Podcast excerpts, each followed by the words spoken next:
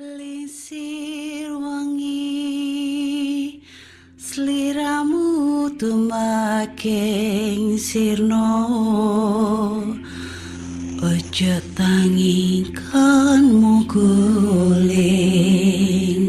Awas jok ngetoro. Aku lagi bang wingo wingo. Jin setan Hai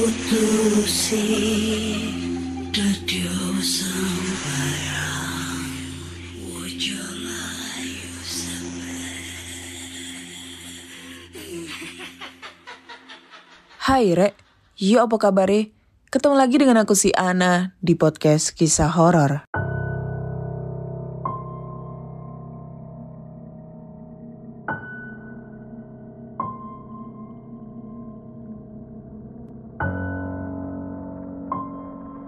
Di episode kali ini aku membacakan cerita horor ataupun email berhantu yang sudah dikirimkan teman-teman melalui podcast kisah horor at gmail.com atau di Instagram podcast kisah horor serta Google Form yang linknya tersedia di bio Instagram podcast kisah horor. Langsung aja kita bacain cerita horor kali ini dan cerita horor ini berjudul Dua Tahun di Kos Berhantu. Hai Kak Ana, Pengalaman kali ini aku buat berdasarkan kisah temanku sendiri pas ngekos di Karawaci. Ini berdasarkan teman aku, jadi seakan-akan cerita kali ini itu temen aku yang ngobrol ya. So, kejadiannya berlangsung tahun 2016 sampai 2018. Aku mahasiswa angkatan 2015 sebelum aku pindah ke kos ini, aku sama temen-temenku yang satu kuliah sempet ngontrak rumah. Tapi karena sempet cekcok karena masalah kamar, yang pada saat itu cuma ada dua kamar, alhasil kita pindah ke kosan yang per kamar. Setelah beberapa kali nyari kosan di daerah dekat kampus, akhirnya kita berempat nemu kosan yang cocok dan murah. Maklum, kita itu Cina pelit. Kamarnya luas, ada AC, internet, sama kamar mandi dalam. Sebenarnya kosnya kalau dilihat-lihat nggak nyeremin. Cuma ibu kosnya entah kenapa di ruang tamunya itu atau ruang tengah suka ada benda-benda aneh kayak lukisan-lukisan sama kursi goyang. Pokoknya barang-barangnya itu jadul-jadul gitu. Cuma karena aku tuh orangnya cuek ya dan skeptis sama hal-hal yang begituan, jadi aku nggak seberapa peduli gitu loh. Nah, Sebulan dua bulan pertama gak ada yang aneh di kosan. Cuma temen tongkronganku itu ternyata dulu nempatin kamar yang aku tempatin. Dan dia sempat nakut-nakutin aku. Dia bilang, Eh, Will, hati-hati. Kalau malam itu suka ada yang ngetok-ngetok di sana. Terus aku jawab dong, Ah, itu mah gara-gara lu mainnya berisik kali, makanya diganggu aku tuh cuma nganggep temen aku tuh bercanda. Karena aku tuh orangnya bener-bener skeptis sama hal-hal mistis. Aku tuh orangnya berpikir pakai logik dulu daripada berpikir pakai ya hal-hal yang di luar nalar. Sampai suatu saat aku tuh inget banget kejadiannya malam Jumat. Aku balik agak malam karena ada acara kampus. Kira-kira sampai rumah itu jam 10. Di ruang tengah, di lantai dua, deket kamarku, di situ letak kursi goyangnya. Sebelum masuk kamar, karena mulut asem, aku sebat dulu lah di ruang tengah. Pas lagi sebat, aku lihat di sebelah kanan aku itu ada cewek sendirian duduk di kursi goyang yang teman-temanku pun nggak pernah dudukin. Dan anehnya, dia nggak main HP ataupun baca apa gitu. Literally cuma duduk dan goyangin kursi. Karena aku kira dia keganggu sama asapnya, akhirnya aku berdiri buka jendela. Pas ku menengok ke arah kanan lagi, itu cewek udah nggak ada. Aku sempet mikir, kali aja tuh cewek bener-bener keganggu sama asap rokokku. Makanya dia pergi, terus mungkin dia turun dan keluar kosan langsung. Karena aku nggak dengar pintu kebuka atau ketutup. Pas malamnya, entah kenapa aku tuh nggak bisa tidur. Alhasil aku sebat aja lagi di ruang tengah. Jam 2 itu kira-kira. Lagi-lagi aku lihat tuh cewek lagi duduk di kursi goyang. Cuma aku sense aja. Aku cuekin sambil aku buka jendela dulu biar asapnya keluar.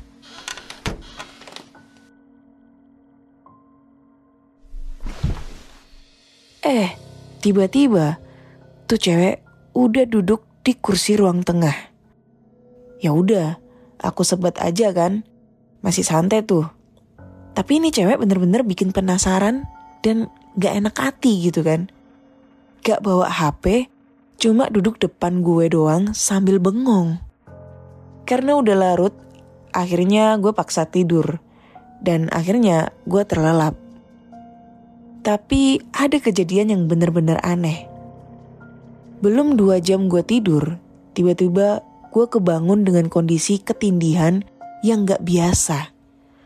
Seluruh tubuh gemeter dari kaki sampai kepala. Gue paksa bangun gak bisa-bisa. Gue lihat di arah kanan gue ada bayangan hitam gede banget yang gue sendiri gak tahu itu apaan. Karena gue bener-bener takut, alhasil gue paksa terus buat bangun dari tempat tidur. Dan akhirnya gue bisa berdiri, tapi yang anehnya adalah gue lihat diri gue lagi tidur di tempat tidur. Ya mungkin ini yang dinamakan astral projection. Di mana roh lu itu keluar dari tubuh lo. Gue kaget sekaget-kagetnya. Dan gue lihat di dekat kamar mandi ada cewek rambutnya panjang, nutupin muka dan terurai sampai ke lantai. Kukunya bener-bener kotor dan panjang. Gue still skeptis dan gue kira ini mimpi. Sampai gak lama kemudian ada yang ngetok kamarku dan bilang, Will, Will, bangun. Gue mau numpang tidur. Gue babuk banget nih. Dan itu suara temen gue. Sebut aja namanya Mario. Dia yang dulu ngekos di kamar gue sebelum gue. Karena kaget dengar suara ketokan, tiba-tiba gue bangun. Yang tadinya posisinya gue berdiri, tiba-tiba gue ada di tempat tidur. Gue kebangun dan gue buka pintu karena temen gue ngetok-ngetok terus. Terus gue sempat mikir, tadi mimpi apa beneran sih? Oke, Kejadian malam itu cuma muter di pikiranku beberapa hari doang. Karena gue orangnya bener-bener skeptis, masih belum percaya kalau itu kejadian hal mistis. Gue gak cerita ke siapa-siapa, dan setelah itu gak ada kejadian aneh. Namanya mahasiswa, di kos itu campur, cewek, cowok. Dan juga dengan luasnya pergaulan seiring lo jadi senior di kampus, pasti pernah lah menyalahgunakan kebebasan kos lo dengan hal-hal yang sebenarnya kurang tepat dilakuin. Ternyata hal-hal kayak gitu bisa nimbulin energi negatif di tempat tinggal lo. Setelah kejadian terakhir, kejadian ini yang bikin gue percaya kalau kita, manusia, gak sendirian tinggal di dunia ini. Gue inget banget kejadiannya hari Jumat karena gue capek banget abis main basket. Gue tidurlah jam 3 sore dan gue set alarm jam setengah 7. Karena gue ada urusan jam 7-nya. Nenek gue pernah bilang, pamali kalau tidur maghrib. Pas gue lagi tidur jam 3 itu, tiba-tiba gue kebangun. Pas gue buka mata, sekelebat gue lihat ada cewek lagi duduk di ranjang. Pas di sebelah kanan, tepatnya. Gue merinding bener, bener-bener merinding. Gue gak berani gerakin kepala gue. Gue cuma gerakin mata gue. Tapi karena penasaran, akhirnya gue gerakin kepala. Dan tiba-tiba, dia ngeliat gue nunduk. yang tadinya cuma lihat ke depan. Gue lihat mukanya pucat banget. Dan lama-kelamaan, mulut dia kebuka lebar kayak mau makan gue. Terus tiba-tiba matanya jadi hitam, bolong. Gue takut. Akhirnya gue tutup mata sambil baca doa. Setelah gue buka mata, gue lihat dia udah gak ada di samping gue. Tapi pas gue nengok kiri lagi, gue lihat dia lagi tengkurap sambil ngeliat gue dengan mulut masih ngangak lebar. Gue gak tahan buat teriak, akhirnya gue teriak dan gue coba bangun. Pas gue bangun, gue gak sengaja nyentuh tangannya. Tangannya bener-bener dingin kayak es. Gue akhirnya lari keluar kamar. Gue lari ke kamar teman gue. Gue cerita semuanya. Mereka shock karena gak tahu apa-apa awalnya. Mereka mutusin buat tidur di satu kamar buat temen malam itu. Karena takut denger cerita gue. Setelah itu seminggu kemudian gue akhirnya pindah dari kosan itu dan temen gue dua orang juga pindah. Kita cari kosan yang agak mahalan gak apa-apa deh. Asal gak ada pengalaman kayak gitu lagi. Jadi mungkin dari cerita yang aku alamin ini kak, kita harus percaya adanya uh, makhluk lain atau makhluk halus atau makhluk goib lah. Makhluk pendamping dari ciptaan Tuhan. Jadi kita harus bisa saling menghormati, menghargai, dan mempercayai bahwa mereka ada. Tapi satu nih, kita harus percaya bahwa Kekuatan manusia itu jauh lebih besar dibandingkan kekuatan dari makhluk halus atau roh atau jin atau sebagainya. Jadi jangan tinggalin ibadah kalian ya.